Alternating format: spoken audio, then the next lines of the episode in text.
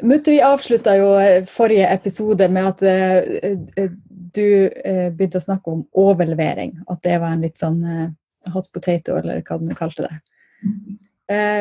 si mer om det. Jeg sliter litt med konseptet overlevering. Og jeg vil si en analogi til hvorfor jeg sliter med det konseptet, er eh, hvordan du etterlater et hotellrom er veldig annerledes enn hvordan du etterlater soverommet ditt. Ikke sant? Ja. Fordi du kommer tilbake til soverommet ditt. Derfor tar ikke du og hiver dyna liksom, inn i do eller i badekaret. Og, liksom, og det gjør du på hotell? Jeg så må liksom få mest mulig liksom, ut av oppholdet. Liksom, de der små eh, vodkaflaskene utover senga. litt sånn forskjellig. Nei, Poenget mitt er at hvis det er du som skal leve med den gjelda eh, etterpå, så har du et annet forhold til hvor mye gjeld du skaper. Og det er et annet forhold til hvor mye ansvar du lager.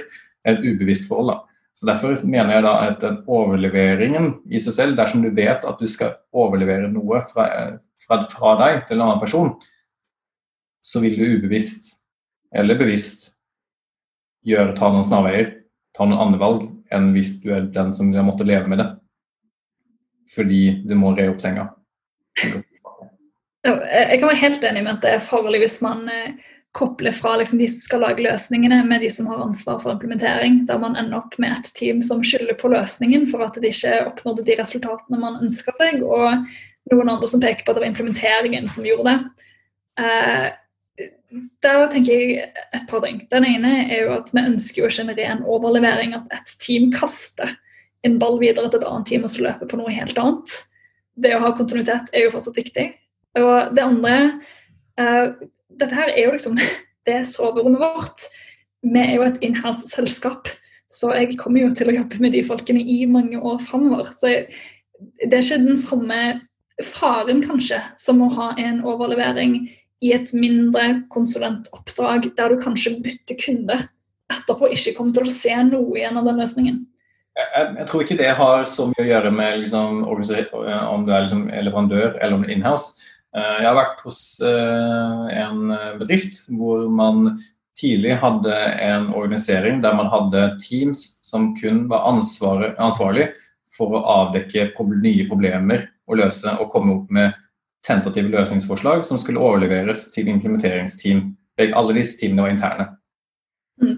Eh, det til en viss grad funker, fordi du får folk til å liksom komme opp med nye smarte løsninger. Du får dedikert tid til å liksom avdekke nye problemer, og du får gjort det på en ganske relativt ressurseffektiv måte.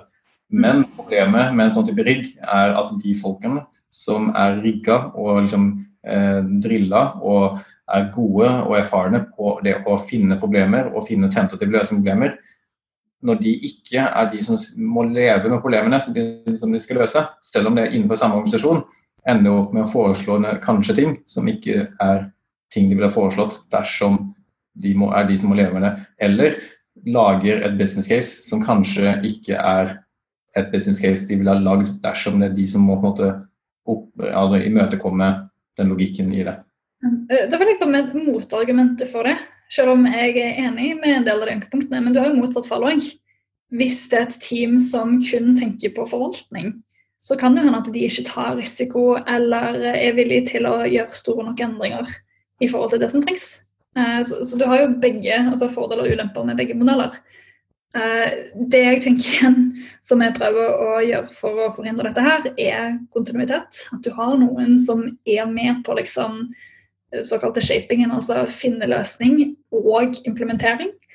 For det, det er jo mye lettere å pivotere når du kommer liksom lenger ned i løpet. Hvis man vet hva intensjonene var, og godt hva rammene var, og hvorfor de valgene ble tatt, så er det lettere å si å ja, men dette her stemmer jo ikke, når man uh, treffer på utfordringer. Og så kan man pivotere internt i det teamet med ganske mye større sikkerhet enn hvis man hadde helt sånn segregert de to timene.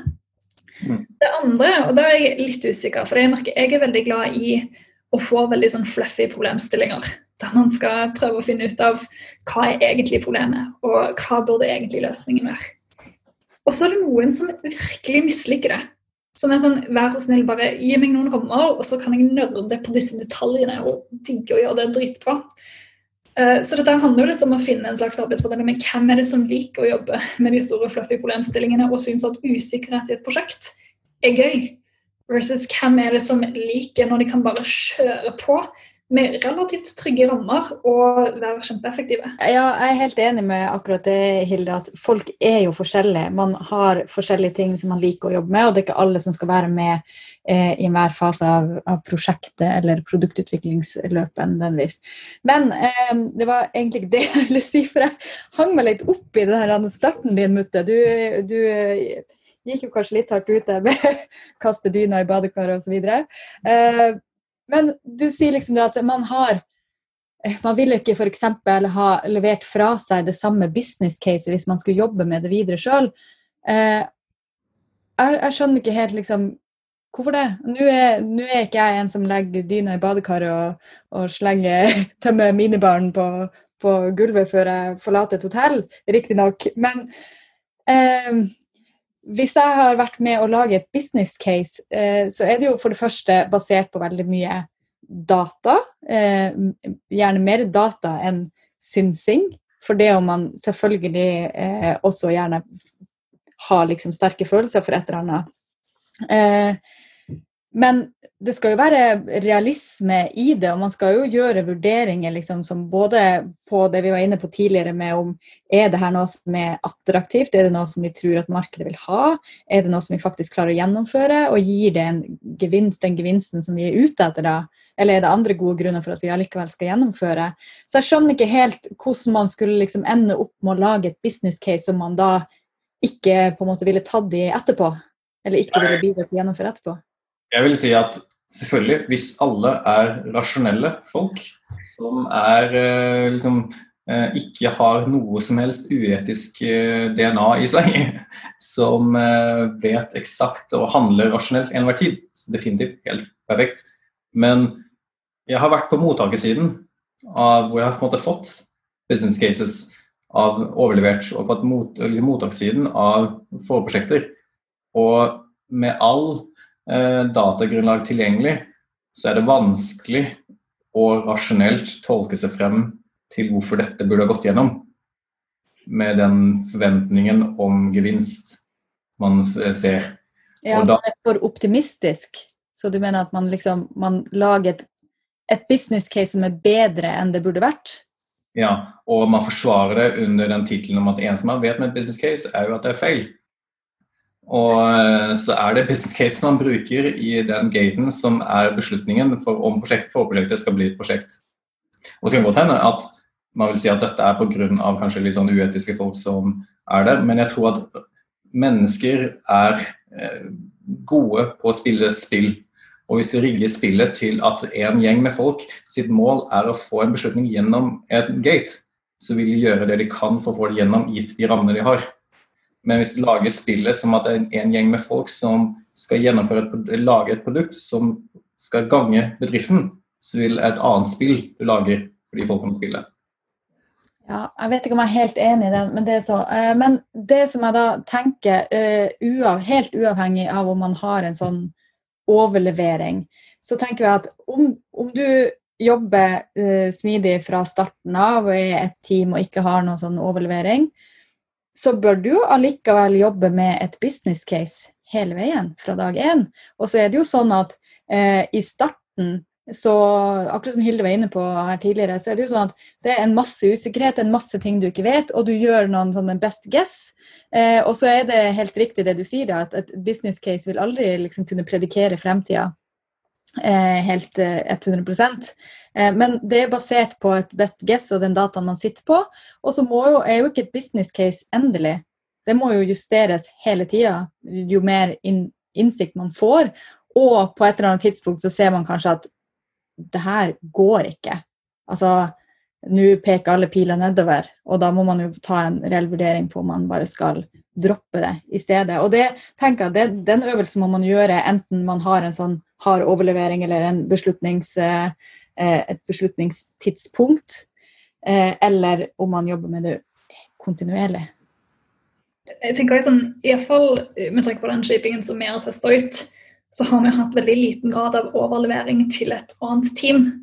der vi ser på det mer som et internt verktøy for å sørge for at vi tar um, Igjen for å referere til 'design the right product' først. Det er noen ting man antakelig bør gjøre sekvensielt. Eller sånn Avsjekk de største antakelsene og få liksom bli kvitt noe av den største usikkerheten før du virkelig begynner å løpe på utvikling av den oppgaven. For det er fort gjort når du har begynt å utvikle til bare sånn ja, men bare en uke til. Dette her, det er bare noen småting i veien, og så fortsetter det i mange uker framover. Og så viste det seg at det var et større teknisk underliggende problem, eller det var vanskeligere UX-messig å løse eller prosessmessig å løse enn det man først antok. Um, så det er liksom håp om å bruke 20% tid til å avdekke 80% av de potensielle eh, største problemene som kommer til å dukke opp. Og dette her kan gjerne være en teamaktivitet som hele teamet gjør i forkant. Men litt å ha den formelle prosessen og bare sånn OK, nå satser vi på denne retningen og denne løsningen, og prøver på det. Det har vært ganske si, Det har gitt mye framdrift på en del prosjekter der vi har typisk liksom stilt spørsmålstegn til at vi er dette egentlig riktig løsning, og så gjerne gått tilbake igjen et par skritt og ikke helt eh, greid å committe fullt til den retningen. Jeg lurer litt på, Er det her litt sånn reaksjon på at det er veldig lett å starte utviklinga når man jobber med digitale løsninger? Fordi at, sant, et, Hvis du, hvis du eh, designer et fysisk produkt hvor du må først lage en støpeform, eh, og den eh, tar lang tid å lage og er veldig dyr etc., så vil du jo eh, antageligvis gjøre veldig mye flere vurderinger. og Du vil jo designe ting på en måte mer ferdig kanskje i forkant. Mens når man jobber med digital produktutvikling, så er det jo ganske lett å begynne å kode. Og kanskje litt for lett at man starter litt eh, Man blir ivrig og starter for tidlig, eller? Det høres litt sånn ut når du sier at la oss bare bruke litt tid før vi, før vi begynner å løpe med en eller annen løsning på å bare tenke, tenke, litt mer gjennom hva vi skal gjøre og ikke skal gjøre. Jeg vil, jeg vil bare si at dersom man har et team som, hvor man eh, løser alle antakelser ved å kode noe, uten å ha et eh, liksom, eh, edruelig forhold til hvor viktig antakelsen er, hvor stor usikkerhet der ligger i antakelsen, og hvor effektivt det er å prøve å teste antakelsen ved hjelp av kode, så har man sannsynligvis et team som er litt sånn eh, Ser alle ting som spikere når du holder en hammer-type analogi-type team. da. Jeg tror det er, altså Da har du kanskje litt sånn feil trening av teamet, på en måte. Jeg tror det er en sunn øvelse uansett. Og nå liker jeg å tro at jeg eh, er opptatt av hva de største usikkerhetsmomentene og antagelser i løsninger er, og greier å divergere i starten av et prosjekt og vurdere ulike løsninger opp mot hverandre. Men sånn som når vi har fått et problem og skal løpe på det, så er vi kine på å løse det på best mulig måte så fort som mulig. Og da er det fristende liksom OK, men denne her virker lovende. Og så designer man kanskje litt lenger enn det man burde, der man går inn på detaljeringen og Kanskje man begynner å teste ut noe i kode. Det er en fin øvelse, bare sånn ha en strek der det er sånn OK, er dette riktig løsning i det hele tatt? Tror vi at dette her er beste retning å gå i, før vi begynner å grave oss ned i detaljene? Og det er kanskje spesielt viktig når man ikke har så mange ressurser. Da f.eks. Eh, jeg er òg med på å designe detaljene i en løsning.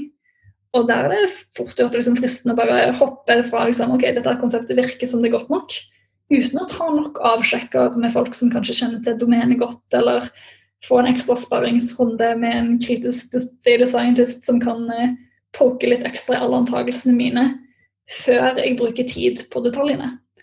Så igjen, jeg vil ikke si at dette er et stort avvik fra en vanlig agile-prosess, men det er noen retningslinjer som er en sånn fine avsjekker å ha. Det, er på en måte jeg mener at um jeg er på en måte helt enig i at man bør komme frem til samme resultat. At man ikke bør eh, kode alt man kan kode, bare for å kode det og teste det sånn. Det jeg mener er at i å formulere det, eller prøve å fremprovosere det i form av retningslinjer og prosesser, er jeg uenig i. Jeg tenker at det heller handler om å endre mindset til folk. I den forstand at eh, hvis du er usikker på om folk har lyst på en tjeneste, så er det ikke sikkert at beste løsning å teste det på er å lage en eh, fake door med landingsside med en knapp hvor du signer opp. Jeg mener ikke at det er riktig måte å teste ut den, eh, liksom, antakelsen på, eller hypotesen på. Og der mener jeg da at det ikke er nødvendigvis retningslinjer som skal til for å si du skal ikke bygge den landingssiden. Da er det heller en treningssak som skal til for å trene teamet til å finne ut hva er riktig måte å teste den hypotesen på. Men dette handler jo om å få et team, og ikke bare ett team, men flere team i synk òg. Så En av fordelene med å ha faste byggesykler er at vi har litt mer takt og tid. At vi kan være sånn Ok, nå er alle innforstått med at vi er i den fasen der det er veldig stor usikkerhet om hva løsningen er. Da er det kanskje lettere for folk å drive og spørre og komme med innspill på helt andre retninger. Og så er det noe som er fint med liksom å si at nå tror vi at vi er ferdig med den fasen. Og nå har vi egentlig fokus på mer detaljering og implementering av løsningen. Og Det kan hende at hver enkelt person kan få det mindsettet helt riktig. Men det å sørge for at hele teamet er aligned med det mindsettet, og at andre stakeholders rundt er aligned med det mindsettet, og ikke liksom komme med spørsmål tre uker etter at man har begynt å implementere detaljene, men heller stille de kritiske spørsmålene på overordna løsning på et litt bedre tidspunkt. da. Så eh, de rommene tenker jeg hjelper, selv når du har mindset i alle individene, for liksom få alle med på en god flyt. Jeg tenker, jeg, i, mitt, eh, I mitt hode så høres det fornuftig ut eh, å eh, liksom bruke, bruke, litt tid spesifikt til å utforske i starten, og at man ikke nødvendigvis må gjøre det med et fullt team. Eh, og det, så kommer det selvfølgelig an på teamet, og sånt da, men det er ikke nødvendigvis alle som har lyst til å være med på en sånn fase, og det er ikke, ikke heller kanskje alle man har oppgaver til i en så tidlig fase. Eh, og så liksom det spørsmålet da, som vi starta med om skal det være en overlevering eller ikke. Eh, og det høres jo ikke ut som at det er en veldig sånn hard overlevering. Det er jo som du sa, Hilde, at eh, man prøver å ha med folk som skal være med hele veien. Det er heller kanskje onboarding av nye folk som man etter hvert bygger et, et, et, større team. da. Eh, men så var det én ting da som jeg lurte litt på, fordi at du snakka om at eh, dere har en sånn veldig bestemt tidsramme på seks uker når du først begynner å bygge. Men har dere noen bestemt tidsramme på hvor lang tid man får lov å drive med shaping? Uh, ikke ennå. Eneste vi vet at vi burde antageligvis um, prøve å sette litt tydeligere egentlig um, fixed time variable scope på det òg. For hvis du ser at en utforskende fase kan gå så lenge det bare vil, så kommer det til å fortsette ganske lenge. Eh, for vår del så blir det jo igjen at vi vi er jo en scale-up. Vi har begrensa mengde folk som kan drive med både shapingen og implementeringen. Så stort sett så har man rammer på liksom, ok, nå er neste byggesykkel begynner da. Vi bør ha noen ulike retninger som er litt ferdig tygd før det settes i gang. Um, så ja, uh, uformelle grenser for når ting bør være klart. Mm. Men jeg har bare lyst til å liksom ta opp det med at det er en grunn til hvorfor vi har droppa forprosjekter. okay, hva er største bekymringen din med et forprosjekt? Der, og nå får jeg si at dette her er veldig forprosjekt light. Det handler i liten grad om overlevering. Det handler i stor grad om at man har visshet rundt nå jobber vi med noe som har høy usikkerhet der vi skal kunne kaste rundt på sånne veldig store konseptuelle retninger, og vi skal sjekke de største antagelsene før vi begynner noe som helst koding eller implementering.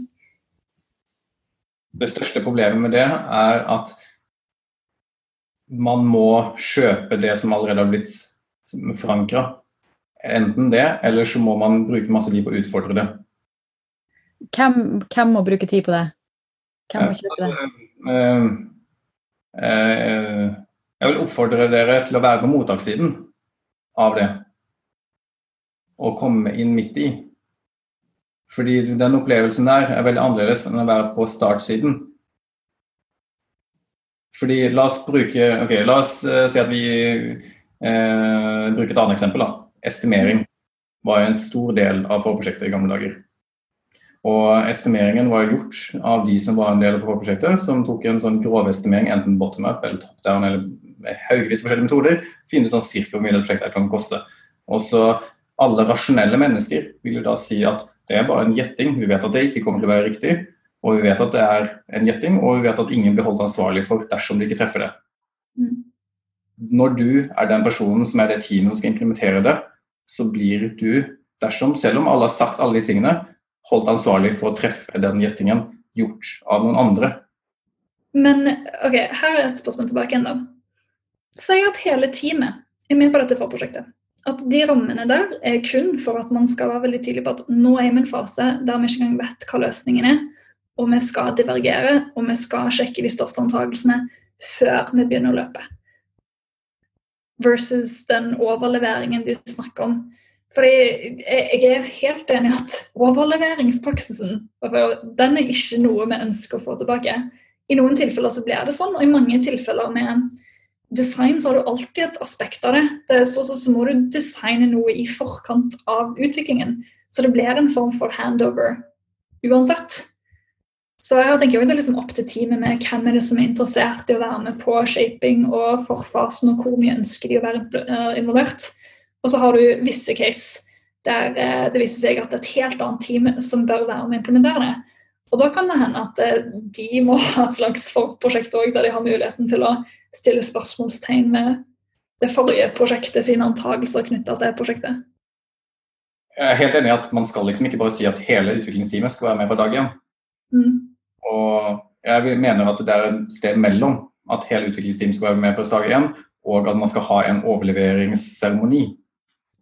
Jeg vil ha et eller annet sted mellom. Ok, Men hva, hvis du ikke har en seremoni, hvis du ikke har et punkt som er sånn Yes, vet du hva, nå nå kan liksom hele, hele teamet begynne å løpe. Er ganske trygge på at dette her er en OK retning å løpe i. Hva, hva er det mellom løsningen? Nettopp fordi da har du ikke noe som heter prosjekt. Da har du et digitalt produktutviklingsteam som starter med en, en gjeng med folk med, med, høy usikkerhet, som gradvis reduserer usikkerheten og gradvis bygger mer og mer, og kanskje ende opp med en annen gjeng med folk på slutten, avhengig av behovene.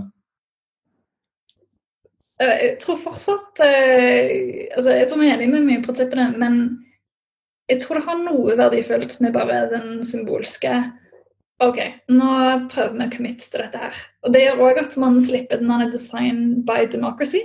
At i noen tilfeller så kan man faktisk ta litt eh, f.eks. kontroversielle valg på løsning og teste noe som kanskje ikke alle i teamet eller alle stakeholders er helt enig i, men det er sånn OK, vi er villige til å commit og bruke seks uker på dette arbeidet her, og se hvordan det går. Nå er, nå er, jeg ganske slem her, men nå sier jeg også at eh, altså det å være smidig, selv om, kom, selv om, det er noen som mener at det er liksom en sånn at uh, alle skal være med og alle skal være liksom med på å beslutte, så er det ingenting som sier at, alle skal være, at det skal være en design by democracy. Noen er gode på noe, andre går på andre. Man må jo fortsatt måtte, bruke folks kompetanse til det de er gode på. da. Men Mener du at det er noen sånne tidspunkt der man skal si at dette her virker som den riktige løsning, med kode på den? Så i broeksempelet er det sånn OK, vi står mellom underjordisk tunnel, vi står mellom bro og vi står mellom flyplass. I mitt hode det et eller annet punkt der du sier vi går for bro. Enten den er formell eller uformell, så må det jo skje på et tidspunkt. Ellers kan man bygge parallelt flyplass, bro og tunnel? Og så etter noen uker se hvor langt man har kommet. og bare sånn, ok, vet du hva, Bro var faktisk veldig mye enklere enn flyplass. Jo, øh, selvfølgelig kommer det punktet hvor man må ta det på veiskillet. Mm. Men jeg mener at øh, det punktet og det veiskillet er, bør helst være tilrettelagt for at teamet skal kunne ta det selv. Ikke at de må forankre det ut, utenom prosjektet, eller utenom teamet. da. Men si at du jobber i et team som vil påvirke mange andre team. Altså, Vi lever ikke i en verden der vi har små team som eh, bygger bare på en enkelt feature. Det er jo noen selskap som har den luksusen. Men sånn som når vi skal bygge nye løsninger for uh, ruteoptimaliseringen, det påvirker distribusjonskontoret, det påvirker sjåførene våre. Det, uh, og så er det sånn da, Alle som vil bli påvirket av dette her, kan ikke være i et team. Så det er kanskje litt sånn den autonomien som et team har. Da de er faktisk ansvarlige overfor en del andre aktører. Da dette her òg hjelper de andre aktørene å skjønne sånn OK, vi går for dette her. Akkurat, det er morsomt det dere sier, fordi jeg har veldig lyst til å snakke om det prosjektet jeg sitter med i akkurat nå. fordi akkurat det skjer akkurat der vi er nå, med 200 personer. Men jeg kan ikke snakke om det. Men uh, det jeg mener da er autonomi, å gi team autonomi handler ikke om å gi de frihetstiller. Mm. Det handler om å gi de riktig retning og riktige rammer. Og hvis da det teamet uh, som står med veiskille om vi skal bygge en bro, flyplass eller tunnel, og det er avhengigheter rundt som egentlig peker i en riktig retning, så betyr det at det teamet enten ikke har gjort riktig jobb til å finne ut hvilke avhengigheter de har, eller at eh, rammene ikke er gitt riktig. Fordi Hvis de da velger eh, tunnelen som ikke funker sammen med de nærliggende teamene, så betyr det egentlig at rammebetingelsene er feil. Men igjen, altså, det teamet vil fortsatt komme til et punkt der de tar det valget. Og som du sier, det teamet trenger ikke bestå av alle personer som kommer til å være med å implementere eller utvikle det. Så det høres jo ganske likt ut som at eh, du har en shippingprosess der man skal komme til en beslutning om ca. hva retning er riktig å løse. Du skal helst ha folk med deg videre i det prosjektet, og du kommer til å tilføre andre folk til prosjektet etter hvert. Jeg tror ikke jeg klarer liksom å kommunisere det jeg mener helt ordentlig her. Eh, jeg vil si at Problemet med en sånn type eh, sekvensiell uh, eller, mm. Sammenlignet med kua, da, Uh, vi snakker, Dere har kanskje hørt om shift left, tankegang rundt testing osv. Uh, og noe Formålet med shift left, uh, som er måte, å skyve testansvaret tidligere inn i prosessen, mm. er for å gjøre det tydelig og ansvarliggjøre de som utvikler, at de har et ansvar for at det skal funke. Og teamet som utvikler skal funke. Fordi Alternativet er at de som utvikler det, utvikler så godt de kan, og så er det noen andre som kvalitetssikrer det. QA, typisk. Mm. Fjerne QA og fortelle teamet om at det du lager, kommer til å komme ut i produksjon. Du er ansvarlig for det. Så er det opp til teamet selv å finne ut av vi, hvordan skal vi sikre at det vi lager, er av høy nok kvalitet. Men, er det en forskjell her? Er det en forskjell her? Altså, vi snakker jo om uh, å prøve å opprettholde en viss kontinuitet i det teamet som jobber med det her. Og det eneste som på en måte er forskjell, hvis det i det hele tatt er en forskjell, det kommer jo litt an på det eh, hvilket team man har som, som utgangspunkt, eller hva, hvor man kommer fra. Men forskjellen er jo bare at man, man, har en bevisstgjøring på at i starten så skal man bruke litt tid på akkurat den shaping-delen. Og så på et eller annet tidspunkt så glir det over i mer produksjonsmodus.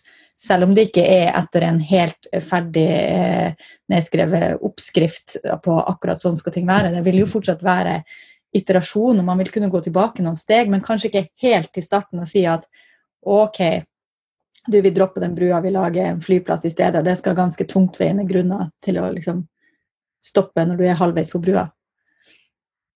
Så jeg ser ikke helt at det er den store forskjellen her. Og det er jo som du også var inne på, Mutte, så, så er det sånn at eh, du har kanskje ikke helt samme time fra starten som du har i slutten i den, i den grad man snakker om en slutt her. Eh, men, men, så noen vil jo være der at de kommer inn eh, og må liksom bare hive seg på et produktutviklingsløp som er pågående, hvor de ikke får være med i shaping-fasen. Det vil jo skje uansett. Men det er et poeng å unngå en sånn total overlevering fra et team til et annet. Men så lenge det er viss kontinuitet, så jeg ser liksom ikke at det er så stor forskjell her, egentlig. Jeg bare før deg, Hille, bare si hva jeg mener med forskjellen er. er at eh, I stedet for å ha en tidslinje med en strek på linja som sier at nå går vi fra én fase til en annen fase, uavhengig av om det er samme folk eller ikke, så vil jeg heller at vi skal ha en tidslinje hvor du gradvis Du har en kurve. Dere ser ikke dette, dere som hører på, men det er en kurve som går gradvis nedover når det gjelder f.eks. utforsking. For eksempel, og en kurve som går gradvis oppover når det gjelder bygging. Men du vil ha et, et, punkt hvor de kurvene treffer hverandre, og så er det bare et spørsmål da om du har bestemt på forhånd når det punktet er eller ikke, om det liksom er et tidspunkt for når vi skal beslutte, eller om det bare skjer når det skjer. Det er et skjæringspunkt der, enten du vil eller ikke. Det er ikke et skjæringspunkt, fordi det egentlig er en area graph hvor det liksom gradvis prosentandelen fordeler. Hvis du definerer skjæringspunktet som 50% så ok, så har du det. Men jeg mener at når du fjerner det punktet hvor man tar eh, måte, den, den harde streken, så får du mer ansvarliggjort teams. Men ok, kan jeg komme med liksom, det som har vært skikkelig digg med shaping-fasen, er egentlig building-fasen etterpå. Det å ha tygd litt gjennom en løsning, eh, alle som skal jobbe videre med det, og alle stakeholders rundt, er liksom sånn OK, fett. Vi har troen på dette her. Eh, dere får seks uker. fullt fokus til å kjøre på med det. Og dere har kommet så langt dere greier. Så man har ganske sånn hard uh, scope-cutting på slutten. Det er ganske digg å kunne løpe og liksom være ganske trygge på at vi kan få til mye av verdi innenfor den perioden. Uh, I stedet for å ha litt sånn kontinuerlige prosjekter som bare pågår forever. Og jeg tror ikke man skal skimse av det å ha noen prosjekter som har mindre usikkerhet i seg. Gir en del trygghet og gjør at du bare OK, nå løper vi. Og så nå er vi tilbake igjen i en veldig usikker, og fluffy fase. Så jeg, jeg tror det handler mye om den psykiske switch òg. Der du bare er sånn OK, nå har vi vært i liksom fuzzy, uh, design the right product land der man har stilt alle spørsmålene og kasta alle kortene i været og fått input fra mange ulike hold. Mens nå skifter vi litt takt, og nå prøver vi så godt vi kan å liksom løpe og ikke stille de største filosofiske spørsmålene knyttet til løsningen, men heller jobbe med å implementere, teste, se hvordan det funker i virkeligheten. Jeg tror eh, det, der, jeg tror det som er vanskelig her, er at eh, vi alle sitter med forskjellige, eh, hos forskjellige steder, forskjellige selskaper, med forskjellige utfordringer og forskjellige Uh, så jeg tror sånn sett så vil vi alle uansett altså vi vil alltid komme tilbake til gode, gamle konsulentsvaret 'it depends'. Men jeg tror hvis man har behov for en switch, lag en switch. Men jeg tror det bør være, for meg i hvert fall, en høy terskel for å lage en switch. Ja, Vi får jo se om et halvt år om vi fortsatt har den typen switch eller ikke. Vi får ta en uh, fot i bakken da. Ja. Uansett, en uh, lang og god diskusjon. Ja. da runder vi av. Ha det bra! Ha det. Drypp er en lavterskelpodkast fra Beck, hvor vi diskuterer diverse temaer som interesserer oss. Og Hvis du har et tema som du har lyst til at vi skal snakke om, eller du vil være med på en innspilling, ta kontakt på drypp.beck.no.